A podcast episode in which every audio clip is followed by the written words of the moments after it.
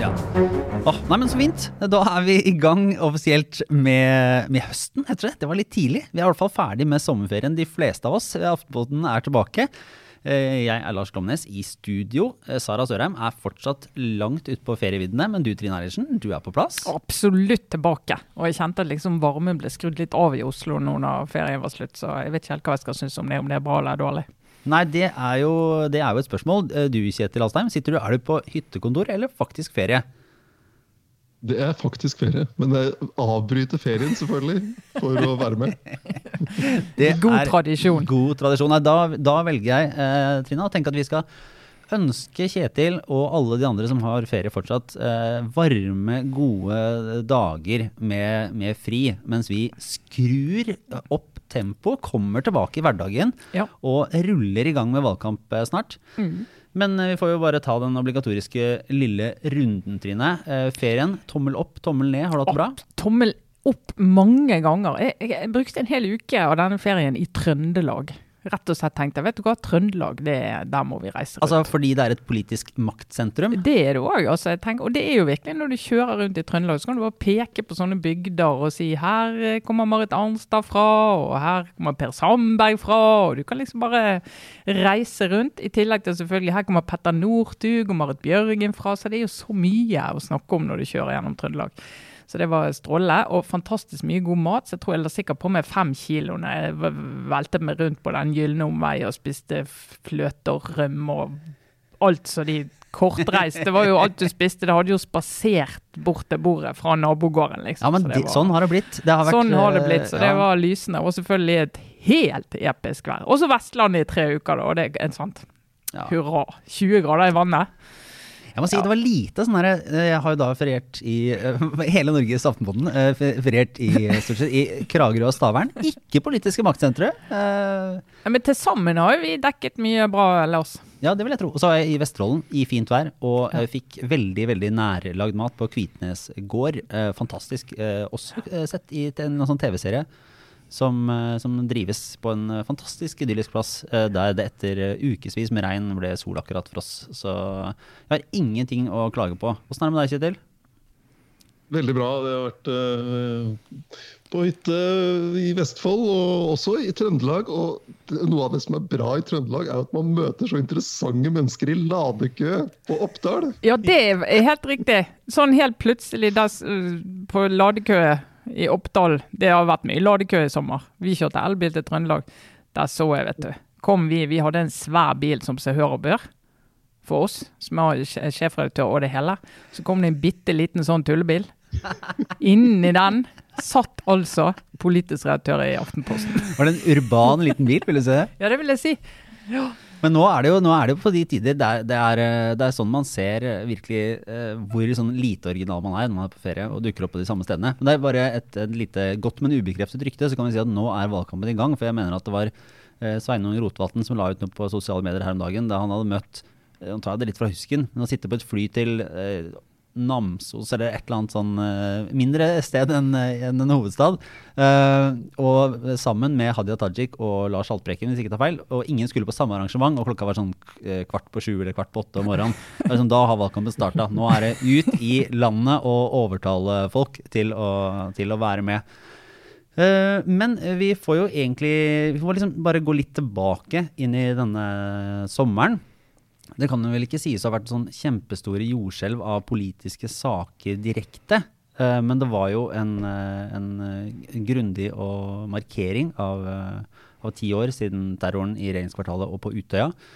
Med en hva skal si, forutgående og påfølgende debatt som jeg må si har vært veldig interessant. Har jo brukt litt av ferien på å følge den også. Vi vurderte litt sånn å si, avbryte ferien for å gå inn i dette i podkastformatet også, men, men eh, holdt oss vel til eh, WhatsApp-tråder og, og litt sånn interne diskusjoner.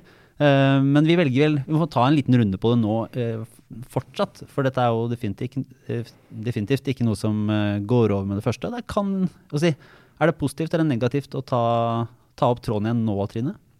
Jeg syns egentlig det er, er, bra. For jeg må si for min egen del, jeg, var, jobbet jo i praksis den uken eh, i sommer, for det var mye å forholdes til. Både som sjefredaktør og fordi jeg skrev. og Uh, og jeg var veldig opptatt av det, og har vært veldig opptatt av det i hele år. Og har kjent på en litt sånn Jeg har vært veldig spent på hvordan den tiårsmarkeringen skulle bli. Hva vei ville debatten ta? Hva, hva temperatur ville det være? Uh, ville, hvordan ville frontene være? Sant? Det var liksom annet noen uh, konturer. Og så tror jeg akkurat rundt den 22. så er det av veldig gode grunner så er det veldig, altså er det veldig mange følelser. veldig sånn Jeg tror alle som er engasjert i dette, kjenner veldig på det. Uh, og jeg syns at den uken var det vanskeligere å diskutere det uh, enn det er nå. Så jeg syns egentlig det har vært litt deilig også å få fordøye litt. For jeg også hadde masse følelser rundt det den uken der, og man skal ha følelser rundt det. Men når du skal inn og, og prøve å analysere og løfte blikket og gå ut fra deg sjøl og altså, prøve å gjøre det, så syns jeg faktisk at det har vært litt fint å, å, ha det ikke helt frem i hodet, men liksom gå og tenke litt på det sånn underveis. Og nå, nå synes, håper jeg vi kan fortsette å diskutere det, men med en, hva skal jeg si, en litt annen intensitet. Mm det var egentlig det var ganske mange ting som, som, kom opp i den debatten, og det har vært en Jeg vet ikke. Jeg har i hvert fall tenkt det litt om, om den uh, debatten som har vært forutgående, for det har egentlig gått hele året, der AUF fortjenestefullt har liksom prøvd å løfte og sagt at vi vil ha en samtale om dette her, og invitere folk inn. Uh, og så har jo kanskje jeg med andre vært litt sånn Ja, men altså, hva skal den samtalen være? Mm. Uh, for det er så stort. Og det var det jo litt i sommer også. Det var jo på en måte det var noe som var politikk, noe som var medier, noe som var mer en sånn stor offentlighet.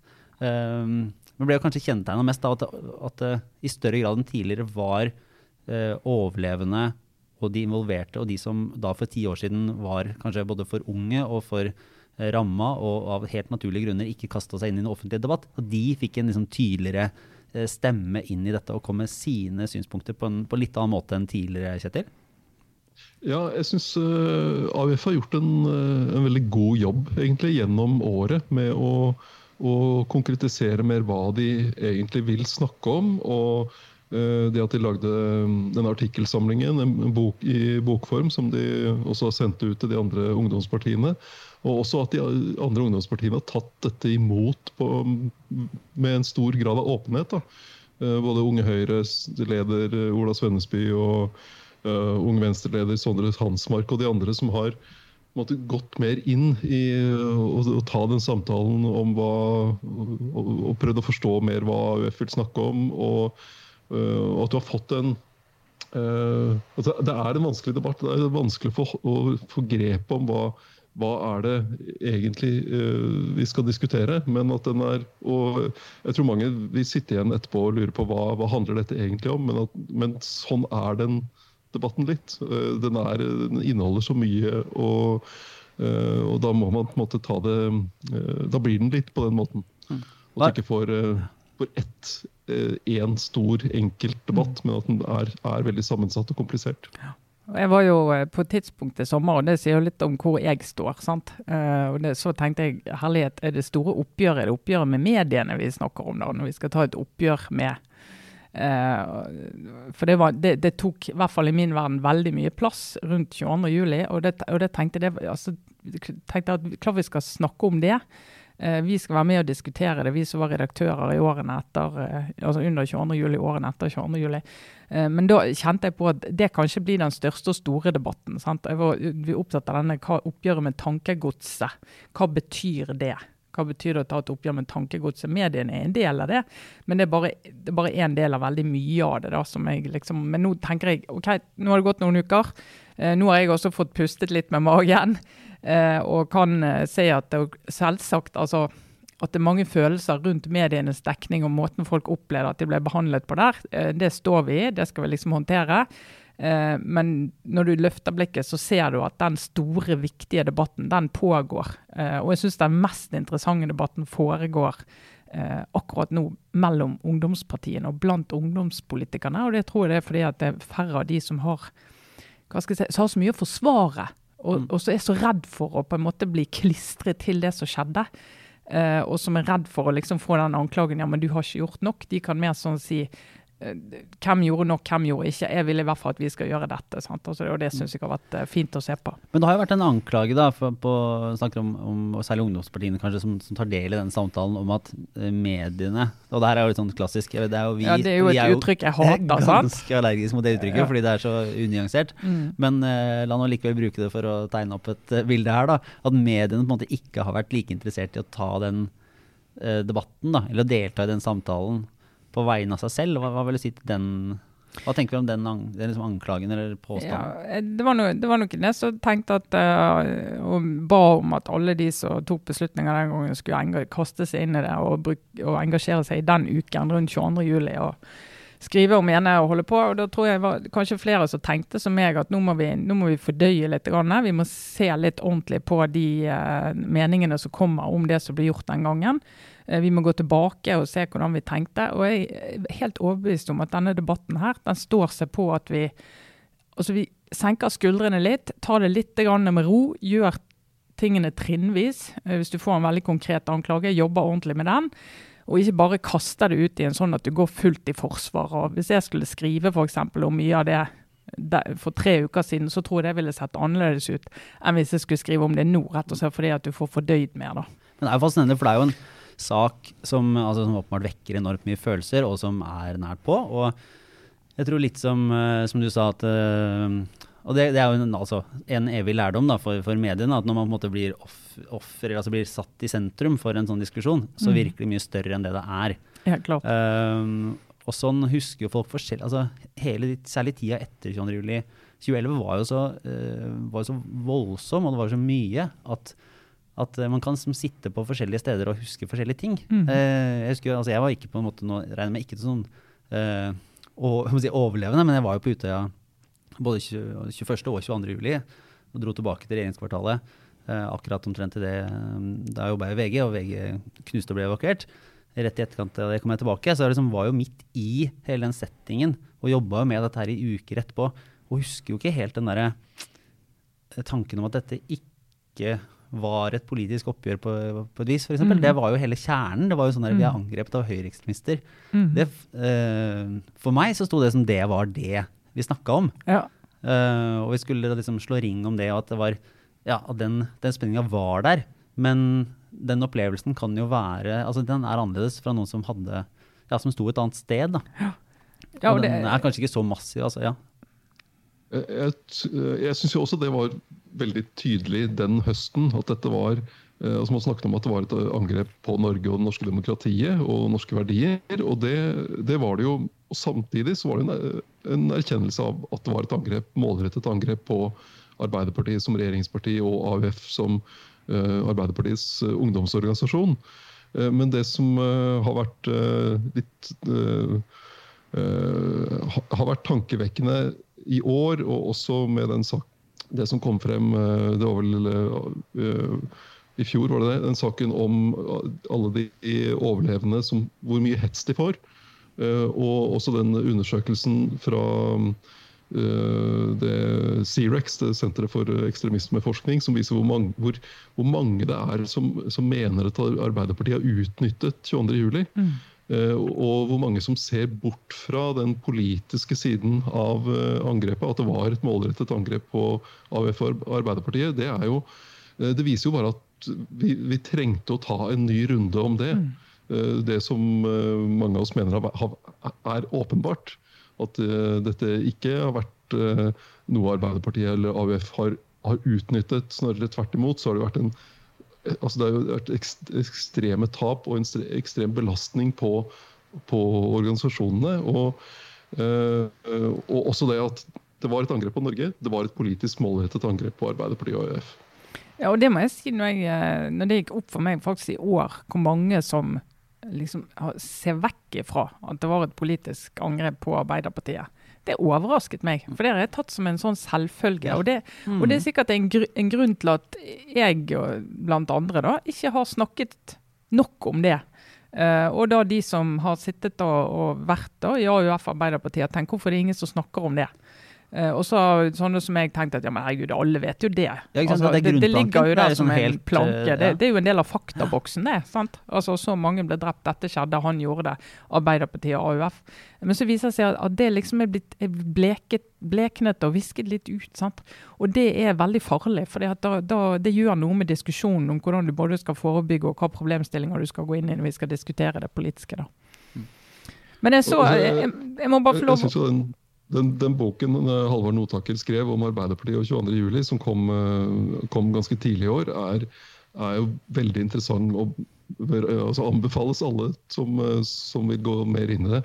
Han, har jo, han beskriver jo hvor, sånn veldig detaljert hvordan dette ble håndtert i Arbeiderpartiet og AUF, hvordan dagene var etter 22.07, og ikke minst den konflikten mellom hvordan skulle de håndtere det som da regjeringsparti, og Jens Stoltenberg som partileder og statsminister, og Raymond Johansen på partikontoret, og den spenningen som var mellom partikontoret og Stoltenberg om skulle de legge vekt på dette at det var et angrep på Norge og et angrep på, på oss alle, eller skulle man ta det politiske oppgjøret med holdningene som lå, lå, eh, lå bak?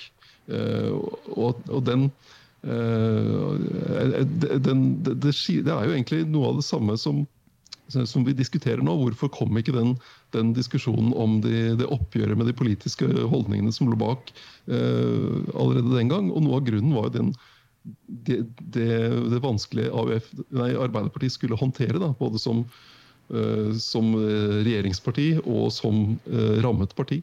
Men det, men det tror jeg er litt av kjernen, hvert fall når jeg har tenkt litt på det nå. Altså Hvor vanskelig det var at Arbeiderpartiet både var et offer, tydelig offer, og satt i den ansvarlige posisjonen.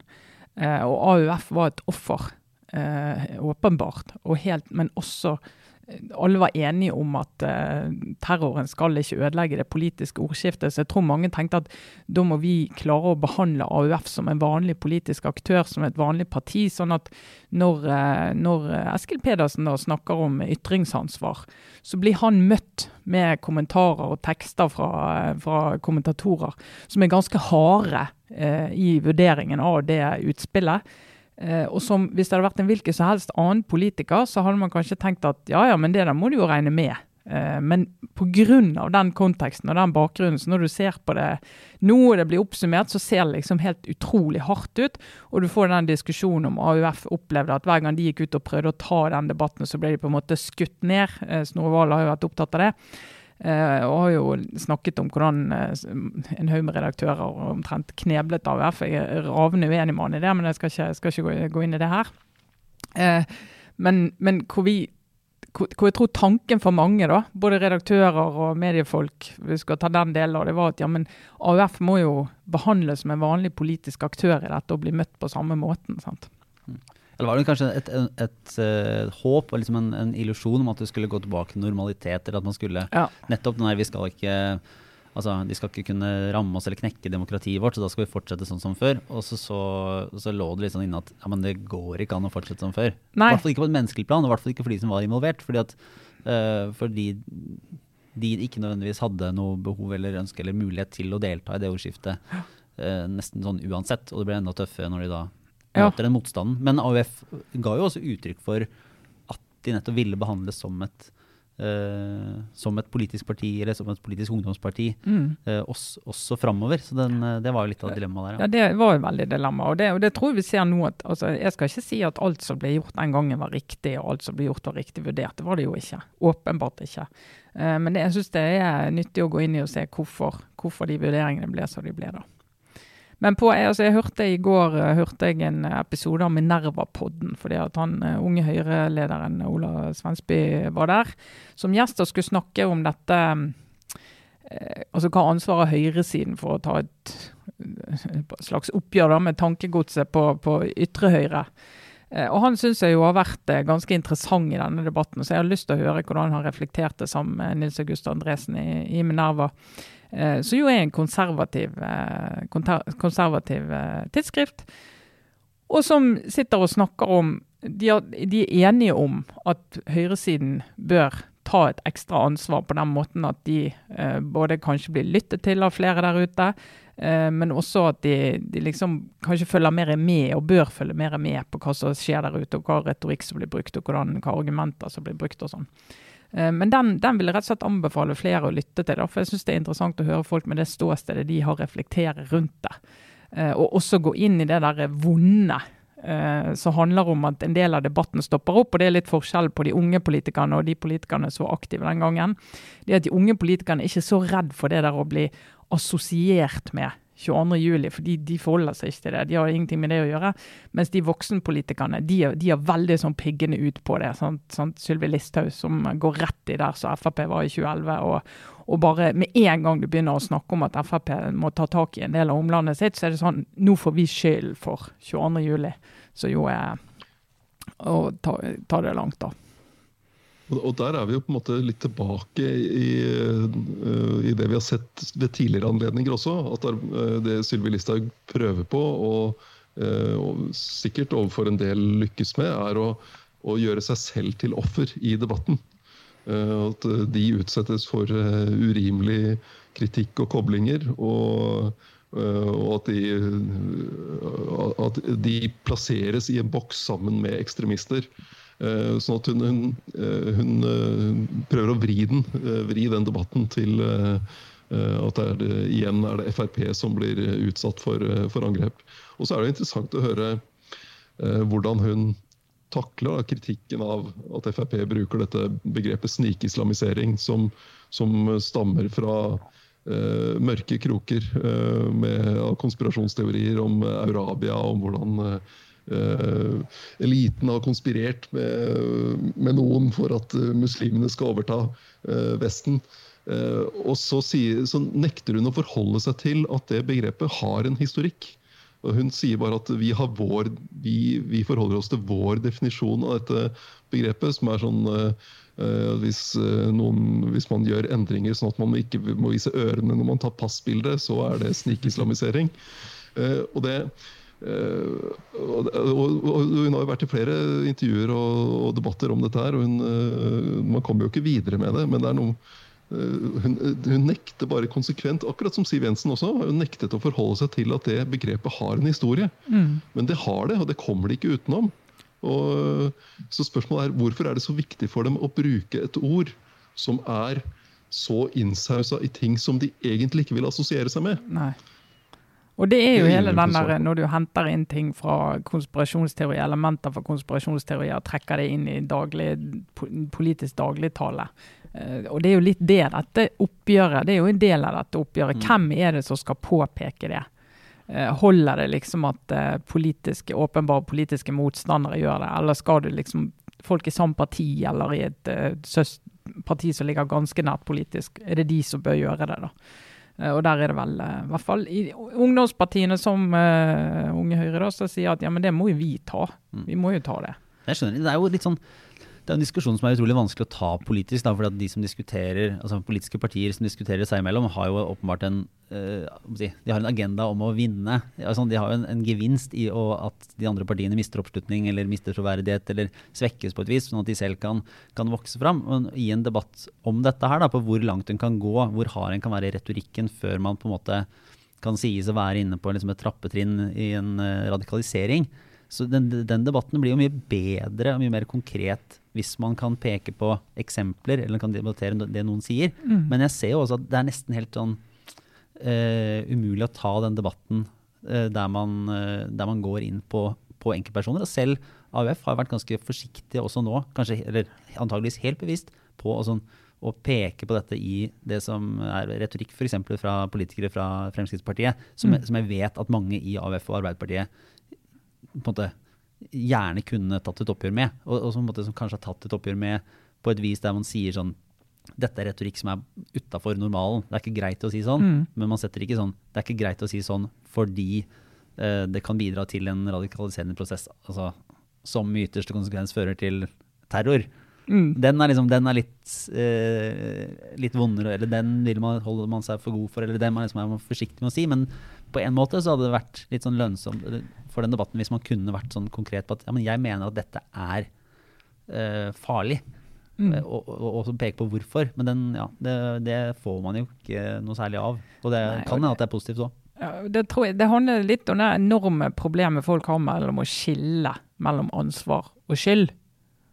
Altså Ja. Det er to vidt forskjellige ting, og skyld er det ikke mange som har her. Eh, Men ansvar for både debattklima og ordbruk og hva som normaliseres, og ansvar for beredskap, sant? Altså alt dette her, det er en helt sånn legitim diskusjon der må være veldig tydelig. Men skyld, det er jo helt eh, poengtert. Det var det en mann som hadde den gangen. Ja, Og så har jo veldig mye av den, den debatten nå handlet om eh, hva skjedde i mediene, hva skjer i den, den ordinære politiske debatten i Ja. Norge. Og så når du ser på, hører på f.eks. den podkastserien eh, som eh, Aftenposten lagde om, om Philip Manshaus, så var det jo ikke sånn at han ble radikalisert i kommentarfeltene i de, de store mediene. Han var jo inne i det dype, mørke nettet. Og det, det er det er da du virkelig snakker om far, det farlige kaninhullene å falle ned i. Ja, og det er det jeg tenker at når vi nå har eh, og går og skal fortsette å gå disse rundene hvor vi skal gå gjennom det vi har gjort og ta kritikk og diskutere det, så må vi på en måte ikke glemme det store bildet. sant? Altså hvor, eh, hvor disse menneskene blir radikalisert dag til dag. eh, og hvordan du skal prøve å hindre at folk faller utenfor på en måte som gjør at det enten ikke fanges opp, eller at folk ikke opplever at de har noe sted å varsle hvis de ser at en de kjenner er på vei ned i det der. Vi får eller etablere, kanskje skal etablere en sånn eh, varslingstelefon. Så hvis man føler at man er i ferd med å bli radikalisert av Aftenpodden, eh, så kan man ta kontakt. Og så, Så tar vi en prat. så kan vi ta et prat, for det, det er ikke formålet. I hvert fall med denne Nei. eh, mediesfæren. Fortsett bra på reform, reformhjørnet, da. Ja, ja, det- ja. Reformhjørnet er jo der for å radikalisere folk til. Ja, det er. Radikalt for reformer. Ja. Nei, for nå er det jo eh, valgkampstart, også sånn offisielt. Vi kan jo, vi kan, skal vi dra i gang med et eh, godt, men ubekreftet rykte? Ja. eh, for å holde den posten levende. Jonas Gahr Støre var jo i gang med valgkampen. Og Jonas Gahr Støre kan jo egentlig se ganske lyst på situasjonen, fordi målingene til Arbeiderpartiet ser ikke så helt gærne ut. Og, og det er kort tid igjen, og hvis ting ikke endrer seg ganske mye, så blir han statsminister om, om, eh, om kort tid. Men det er jo aldri helt enkelt å være Jonas Gahr Støre. Eh, Så han startet jo bl.a. valgkampen sin på Støre gård, som jo er, var i Skogn, hvis ikke jeg husker feil. I Trøndelag, der alt eh, politisk oppstår. Eh, ikke bare fikk han stort sett eh, kjeft av den eh, nåværende Støre-bonden, som er en uh, ihuga senterpartist, og hadde lite til overs for en del av Arbeiderpartiets politikk. Men uh, ifølge nærværende uh, kilder så klarte han også å tråkke i en uh, god gammeldags kuruke eh, underveis. Bratt, bratt. Det er litt sånn, Jeg tror mange tenker at Støre kommer til å være statsminister om eh, veldig kort tid. Men så blir det litt sånn som opptaksprøve til et eller annet sånn militærskole. At du må liksom gjennom med sånn Helvetesuker, ja. og sånn før, før du skal være der. Så det er bare å bite tenner sammen og rulle rundt i gjørme og kuruker og boksekamp som han eh, plutselig sto i. og ja, alt Det var et der. klipp, jeg vet ikke helt hvor det er fra. Og det, hvis vi har muligheten, så skal vi offentliggjøre det på, og lenke til det da, på, på Facebook-sidene eller i nyhetsbrevet. Der Jonas Gahr Støre, men meget forsiktig bokser, var i gang med en eller annen slags eh, sparring på, på et eh, senter i klassisk valgkampstil. Så han eh, kommer seg rundt, det gjør han i hvert fall. Men eh, hovedsaken Altså, her er jo egentlig at det ser jeg- bra ut. Jeg, jeg bare, Ja, ja, det gjør det. Men, men eh, altså, hva som er helvetesukene, er jo eh, for Støre. Det blir jo uh, interessant. altså, en ting er det å uh, Jeg syns han hadde så ut som han Jeg kan ikke noe om boksinga, altså, men han hadde fint fotarbeid. i hvert fall. Ja, han var lapp på foten, lett på foten. Ja. Uh, Men altså, en ting er det tråkke kuruken og, og bokse litt. og Han spilte jo tamburin i Kongsberg her i, i tidlig i, i juli. Men det han skal igjennom etterpå det, Han ser jo ut til at han blir statsminister, men det de rundene han da skal gjennom etterpå, med SV og Senterpartiet, de kan jo også bli noen helvetesuker. Ja, vet du hva, Det der har jeg tenkt på av og til. Tenk hvor intens en sånn eh, stortingsvalgkamp er. Helt, du jobber døgnet rundt, og du jobber egentlig du har kanskje en uke ferie hvis du er toppolitiker eh, sommeren før, og så har du jobbet året før. Og så går du inn i det der, jobber døgnet rundt frem til valget, og så er det valg. Og så skal du begynne med regjeringsforhandlinger! Å himmel og hav! Da skal du være, da skal du være motivert. Ja, men, og, og da, da er jo altså Støre holder seg til eh, i utgangspunktet plan A, alt det vi snakker om. eh, En eh, flertallsregjering med Senterpartiet og SV. SV holder seg til sin plan A, B og C. De snakker vel egentlig bare om en tilsvarende regjering. Mens Nei, de kan ha med alle, de. Sånn var det. De kan ha, de har med alle. Alle, alle skal med. Alle skal med. Ja. Eh, men i hvert, fall, i hvert fall ikke noe mindre. Senterpartiet vil egentlig bare ha med seg Arbeiderpartiet. Og nå kom jo da en sak i Aftenposten som vel også ble fulgt opp og bekrefta av NTB, eh, om eh, hvordan Arbeiderpartiet går og grunner litt på en eh, plan B. Eh, det sier de i hvert fall. eh, som eh, innebærer at de heller vil styre aleine i en mindretallsregjering enn å sitte i mindretallsregjering bare med Senterpartiet. Mm. Og det er jo en, altså det er en interessant sak, for det er ganske mange nivåer her, er det ikke det? Jo. Det er jo Én ting er hva de faktisk eh, vil, og annet er hva de er villige til å si, Trine. Ja, nei, altså Det det er nok ikke noe ønskedrøm for Arbeiderpartiet å regjere alene med det størrelsesnivået vi snakker om nå. Det er jo lenge siden de gjorde det sist òg. Eh, men det er jo en eh, Blir i hvert fall lest som en sånn eh, svar på Arbeider, nei, Senterpartiets ganske sånn cocky holdning for tiden. Hvor de går rundt og bare snakker ikke om SV, og snakker om som om dette er etablert, at nå blir det Senterpartiet Arbeiderpartiet. Og så bare si til Senterpartiet at øy, jekk dere ned. Det er ikke gitt at det blir sånn. Eh, og det er jo ikke også et svar til de som eh, da har funnet ut. Jeg har møtt folk i sommer som har sagt det. Jeg har kun tenkt meg å stemme Arbeiderpartiet, men jeg er nødt til å stemme taktisk. Jeg er nødt til å stemme SV, for å være sikker på at ikke vi ender med en Senterparti-Arbeiderparti-regjering som samarbeider til Høyre. Og sier at da må vi få heller et større SV. Og det, Arbeiderpartiet leser jo den situasjonen. Hvordan leser du det, Kjetil? Ja, jeg tror det er, eh, handler litt om fra Arbeiderpartiets side å bare å vise litt selvtillit. da. Eh, Fordi det har eh, eh, Senterpartiet har kunnet drive på fra, fra landsmøtet, egentlig, med, der, de, der Trygve Slagsvold Vedum ble utpekt som statsministerkandidat, og så har de blitt tøffere og tøffere mot SV. Så jeg tror det er litt viktig for, eh, for Arbeiderpartiet, særlig med de målingene som er nå, der eh, avstanden eh, til Senterpartiet er ganske merkbar, og at Arbeiderpartiet ligger gradvis bedre an. Vise at de har selvtillit. Dette skal vi ordne. Det er litt sånn stol på oss-signal. Og, og ikke sånn at de lar ikke Senterpartiet liksom styre eller bestemme spillereglene her. Det, det, det signalet tror jeg er litt uh, viktig for dem å få sendt ut. Og, og litt sånn også fordi dette blir jo ikke avklart før valget. Det kommer til å være åpent. Det kommer til å være mange mange runder om uh, hva skal skje hvis det blir et rød-grønt flertall.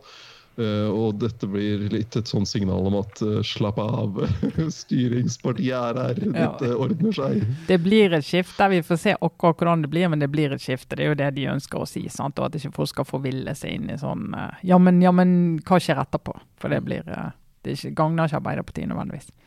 Men Senterpartiet kan de ha malt seg inn i et hjørne ved å være såpass tydelig på at de nå sier at de vil ha et alternativ som, som Arbeiderpartiet, i hvert fall ut av munnvikene, sier at det er Ja, det kan dere jo ønske dere, men vi kommer ikke til å gi dere det. Så Vi snakket, Kan dere litt om bli presset det, tilbake? vi snakket litt om det før uh, sommeren, når Senterpartiet begynte å bli så tydelig på det at de ikke skal ha med eh, SV. Eller de snakker ikke om SV, da.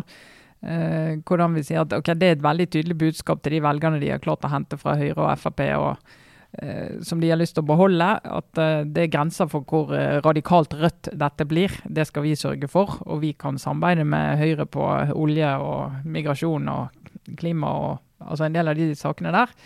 Eh, men som da, hvis de da likevel havner i regjering med SV, så kan de komme på andre siden av dette valget med en del velgere som sier ja, men, ja, men dere lovet jo. Sant? Og så kan de si ja, vi har ikke lovet, men velgerne, hva har de oppfattet? Sant? Jeg må si, etter å ha riktignok ikke feriert så veldig mye absolutt eh, hele landet, men, men at den det virker som den beslutningen fra Senterpartiet om å lansere Vedum som en statsministerkandidat Og her er det litt sånn man, hvor man sjøl sitter, da. Og, og jeg har vel aldri sett det som spesielt realistisk uh, altså at han ville bli statsminister. Det, det har på en måte ikke vært en Det har vært en veldig liten mulighet for det.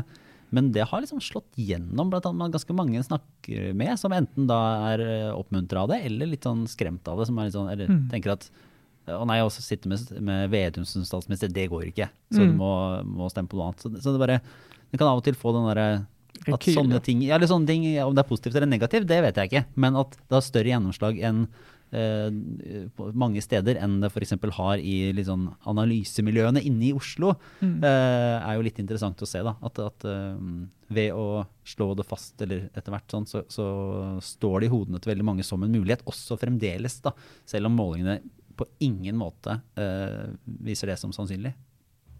Nei, Jeg, jeg tror det de lykkes med eh, ved å peke ut Vedum som eh, statsministerkandidat, var at det ble så tydelig at de har et annet regjeringsprosjekt enn det Arbeiderpartiet og SV har. Eh, Og det er, eh, det er, viktig for å holde på de velgerne de har fått over fra Høyre og Frp. Eh, Og hvis Senterpartiet gjør den jobben, så er det til gunst for Støre. Som, som jo da får det flertallet han trenger for å bli statsminister. Men det er jo som, som den, den situasjonen som Trine beskrev her i stad, om de velgerne som da, hvis Senterpartiet likevel skulle havne i regjering med SV, de velgerne som sa, kom der, ja, men dere sa jo, dere lovte jo Det er jo den situasjonen Venstre og KrF var i. eh, Der de, eh, da de gikk inn i regjering med Frp, selv om de eh, hadde eh, mer eller mindre bombastisk sagt at det ikke kom til å skje. Men der er det litt annerledes å være et altså, tross alt 4-5 parti, da, som, som eh, Venstre og KrF var i, i de, de valgene, og det å være et 15 eller opp mot 20 parti, da har du, og som, som godtar å få med en juniorpartner, er det ikke det? Det er jo litt større fleksibilitet. Jo da, og så, og så er det jo så, så mye annet som, kan, eh, som er, skaper usikkerhet i hva som skal skje på rød-grønn side med, med denne uravstemningen til SV. Mm. Vil de andre partiene, altså Arbeiderpartiet og Senterpartiet, eh, gå med på eh, det som premiss, at det de forhandler frem skal ut på uravstemning i SV? SV. Eh, Hvordan går det med Rødt? Hvor stort eh, hvor stor konkurrent på venstre side får eh, SV? Og hvordan blir det for SV å gå inn i regjering hvis Rødt sitter der med Uh, Mimer Kristjansson og ni andre som skal plage dem uh, fra, fra venstre kant? Så uh, det er veldig, veldig mye gøy og spennende å følge med på her. altså. Men det, det er i hvert fall én en viktig forskjell tenker jeg, mellom eh, Senterpartiet og de andre sentrumspartiene. Altså det med å, å pådra seg landsmøtevedtak om hvem du ikke skal samarbeide med, det er ikke lurt. det, det, er litt- ikke lurt. Nå, ser nå sitter vi her, så det ser bare sånn smil som som kryper oppover på alle tre her. Når vi bare eh, ser fram mot eh, resten av den valgkampen. Da, nå begynner det begynner det å liksom bli virkelig at det, alt det her skal skje i løpet av neste månedene, som vi jo gleder oss til. Men bare helt på, på tappen av denne biten, så må vi ta en liten prat om eh, om godeste regjeringen, da, som var ute og hadde en pressekonferanse i denne uken om om hva de har fått til, og, og hva de vil få til videre. Det var jo en eh, blekke på var det 270 sider eller noe sånt, på, på, som var det politiske regnskapet siden 2013. Uh, og så var det ti punkter om hva som skal skje framover, eller et eller annet sånt. som kanskje var uh, litt sånn eh, symbolsk for, på, for vanskene ved å stå der og, og Ja, love mer etter, er ikke- etter åtte år.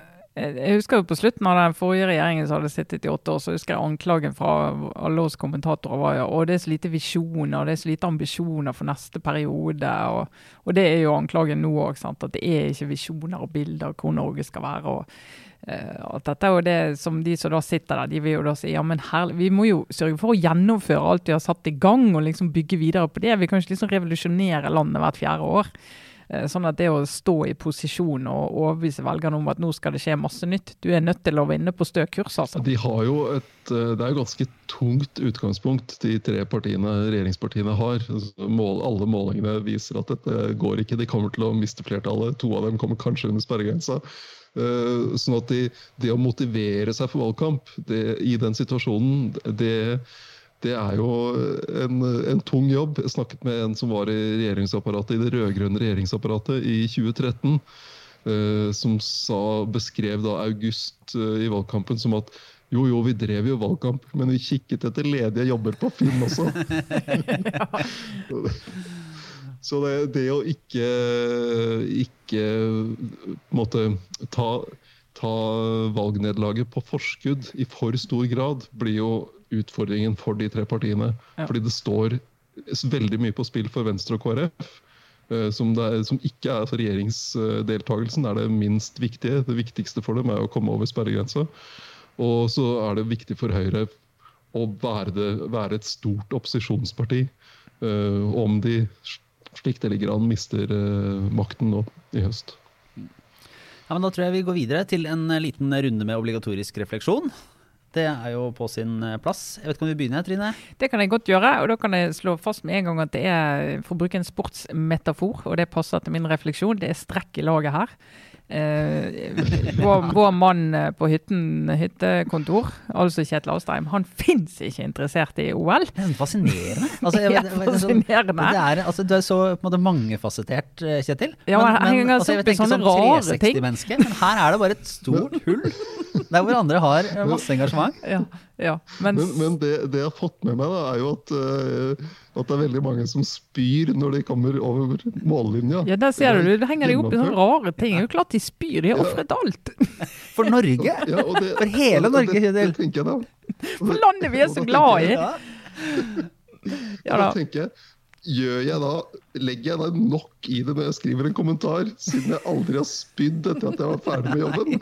Nei, svaret på det er jo nei. Men, eh, nei, altså, men mens jeg derimot jeg, eh, altså, Det er ikke alt jeg klarer å følge med på, men det er jo selvfølgelig noen ting som jeg følger veldig med på. Og så er det noen profiler da, som jeg henger meg veldig opp i hvert OL og følger alt de gjør. Eh, Og en av de som jeg følger mest, eh, hun så jeg faktisk turne i Rio i 2016. Da var jeg borte og kommenterte litt eh, OL, faktisk. Det, tenk hvis du hadde gjort det, Kjetil. Tror du du hadde sett annerledes på verden. Men, og da så jeg Simone Biles turne der, og det var, det var helt, helt absurd å se et menneske bevege kroppen sin på den måten hun gjør, den kroppskontrollen hun gjør. Og så har jeg fulgt noen av veldig veldig spennende historie. Simone Biles denne, ja, hun blir omtalt som verdenshistoriens beste turner. Hun har vunnet alt, hun har vunnet det mange ganger. Hun er helt, helt unik, og det hun gjør er fantastisk. Eh, men nå under OL, da, så på et tidspunkt så trakk hun seg jo fra lagkonkurransen og sa ganske raskt at eh, hun måtte gjøre det for å ta vare på sin eh, mentale helse. Og det er jo virkelig sånn jordskjelv at en på det nivået gjør det. Um, og da tenkte jeg at jeg skulle si at få med deg historien til Simone Biles, denne jenten fra USA, svart, vært fosterbarn, eh, kommer fra en veldig, i starten i hvert fall, veldig vanskelig bakgrunn. Eh, og hadde, fikk det ikke lettere når hun kom på turnlandslaget, der de også hadde legen Larry Nasser, som er dømt for å ha forgrepet seg på Vanvittig mange. mange flere til. Jeg lurer på om- det faktisk var over 60 eh, tilfeller av eh, seksuelle overgrep han ble dømt for, men det er jo mange, mange hundre flere. Eh, og det finnes en dokumentar om den saken og alle de årene han fikk operere som lege i turnmiljøet, også på landslaget, eh, som heter Athlete A. eh, var på Netflix, som jeg anbefaler folk å se. Og så også forteller om et forbund som ikke har interesse av at dette blir en stor sak. Og, liksom, og det Simone Biles også har kommentert, da, det er jo hvordan dette forbundet ikke har sett den enkelte utøveren, men bare har sett eh, medaljene og eh, jaget mot, eh, mot storhet. Og prisen det har disse, en god del av disse Fantastisk mange av disse jentene har måttet betale, er så høy. Og det begynner de å bakse med nå. Å se, å se resultatet av alt det som disse har stått i, og se hvordan det påvirker dem når de er godt opp i 20-årene. Det er utrolig sterkt. Simone Biles kom tilbake, tok bronse i uh, bomkonkurransen. Fikk du helt sikkert med deg, Kjetil. eh, i, og, og var jo Altså ha den psyken som hun har, og kunne gjøre det hun har eh, etter den, eh, det hun har stått i, både som en stjerne med alt som kreves av henne og forventes av henne, den historien hun har, eh, de oppgjørene hun har tatt, eh, det er altså så imponerende. Jeg har ikke ord. Da løper jeg går bare rett videre i det som eh, var min eh, lille tanke. For jeg mener jo at nesten, det er veldig selvsentrert og eurosentrisk. Men jeg mener at eller eh, altså norsk, men hele Norge, hele Norge som vi er så glad i. Altså At de kan ha et OL på helt andre sida av jorda. Det er, jeg synes det er så urettferdig. Det er, Hva skjer om natten? ja, jeg, får ikke sett, har ikke sett noen ting. Bortsett fra uh, at uh, jo, uh, som småbarnsfar står opp veldig tidlig. Så her så våknet jeg eh, da ti på Eller kvart over fem, da. Så da hadde jeg- varon, da? Så da hadde jeg fem minutter til å komme og si, eh, gi en smokk, eh, få, eh, få skrudd på TV-en, og fikk se Karsten Warholm løpe inn til verdensrekord og OL-gull. Og eh, det er jo så moro. Og eh, som et slags sånn kontra til det turnmiljøet, som jeg tror generelt er ganske hardt, og, og de drifter jo altså barn, mer eller mindre, eh, for å de, bøye dem til å få til alt det her galskapen som, eh, som de gjør, som jo er veldig imponerende, men også en ganske sånn brutal virkelighet, til dette eh, trenerforholdet eh, mellom Alnes og eh, Warholm, som jo er eh, i hvert fall utad bilde på liksom, sunn, god oppvekst og, Ja. og idrettsglede. Da, som det er er deilig å se at de kan oppnå sånne ting, de som uh, ikke lever under det der uh, crazy regime som Ja. mange av disse turnmiljøene gjør. Som en liten triumf. Men eh, Kjetil, du, du setter pris på dette her du også, eller? Nei. På Nei. Nei. Identifiserer det ikke Hvorfor med skal, de, hvorfor skal de løpe over de, alle de hekkene? Kan de ikke bare løpe rundt? oh, det er sånn, det er mest provoserende mennesketypen av nesten alle. er sånn, Kan ikke alle bare få en ball hver? Da, eh, da er det bare å melde seg ut, altså. Nei da, det er sikkert uh, gøy, jeg bare ikke, ikke for meg. Nei, det er lov det òg. Har du, en, har du en eh, egen obligatorisk refleksjon, Kjetil, eller er det bare ferien som står i hodet på deg? kulturlivet, Ja, fra kulturlivet, Kjetil. Ja, jeg har noe fra kulturlivet. Eh, Jeg har en tegneserie jeg skal anbefale, som jeg leste i sommer. En eh, norsk dokumentartegneserie som eh, er laget av Lene Ask. Den heter O bli hos meg. Hun har intervjuet barn av misjonærer som var med dem da ut på misjonsmarken. Og, og hvordan da misjonsorganisasjonene plasserte disse barna i internat, på internatskoler, og der skulle de være, og så skulle foreldrene være en dagsreise eller to unna for å misjonere og frelse eh, de innfødte. Og det er, eh, eh, det er veldig, veldig flott tegnet, fin bok og en del sterke fortellinger. Og så, så lurer man jo på, som forelder selv, da, hvordan, hvordan, eh, hvordan tar du det valget? Å dra, dra dit, og så plassere barna dine på en internatskole og kanskje se dem en gang i halvåret, eller, eller hva det var. Og det er så Eh, interessant. Og hvor, det, det, er, det er vanskelig å forstå, rett og slett. Og så, så er det en av disse eh, hun har intervjuet som selv var misjonsbarn og selv var på, plassert på en sånn skole. Eh, Og så reiste hun ut som misjonær og hadde barn, og hun hadde bestemt seg for at det skulle hun ikke gjøre. Men da var det jo da andre i misjonsmiljøet, andre misjonærer, som så skjevt på henne og lurte på om hun ikke hadde Guds kall. Ja. Uh, og også hvordan barna opplevde det. at Hvis de, hvis de klaget på hvordan de hadde det, så var det, ikke, var det, jo, det var jo ikke bare da en klaging på foreldrene. Det var en, eh, et oppgjør med misjonen og rett og slett å opponere mot Gud, som en, en sier. Og det, det er jo ikke så lett å gjøre. Nei, Jeg syns det var eh, interessant og tankevekkende. Så den anbefales. O bli hos meg av Lene Ask. Kom i vår en gang. Kan jeg få lov da bare, siden vi er inne på den tematikken, få lov å anbefale podkasten The Turning om eh, mange av disse nonnene som jobbet i Mor Teresas organisasjon. Eh, og hvordan de hadde det, og hvordan eh, diskusjonen om det var en kult og en sekt, og, og hele det med det kallet. Hvordan det er å være et menneske som opplever at du får et kall som gjør at du må ofre så mye at alle vi andre mennesker ikke forstår det. Det er en ganske god innsikt i det. Utrolig spesielt å, å høre om. The Turning. Vi sender det ut i nyhetsbrevet. Ja, men Det er et godt tips. Eh, Da tror jeg vi runder av for eh, denne gang. Og så er vi tilbake neste uke med en, eh, en klar runde da òg. Da er nok Sara tilbake. Da har hun avbrutt hyttekontoret sitt for å være med på ordentlig, håper jeg. Og så er vel du kanskje tilbake fra ferien din, Kjetil? Det er jeg helt klart. Nå begynner jeg å bli litt rastløs. Eh, Sånn som valgkampen ruller i gang. Og, og OL, liksom. Man må Sånn. bare Ja, rydde ja, ja. litt i moltemyrene. Ja, men det er fint, og du kan jo snu døgnet helt, du, Kjetil. Så for deg er ikke denne problemet med tidsforskjellen. Du kan bare sove om dagen og så være oppe og se OL hele natta. Du lurer på hvordan det går med Jakob Ingebrigtsen, regner med? Ja. ja. Ja, men det blir bra. Eh, tusen takk. Ja. Hvilken idrett han er i, men Tror han løper. Eh, ja, det vi runder av her, vi. Supert. Tusen takk, Kjetil Alstheim, Trine Eilertsen. Jeg er Lars Klomnes. Ha det bra.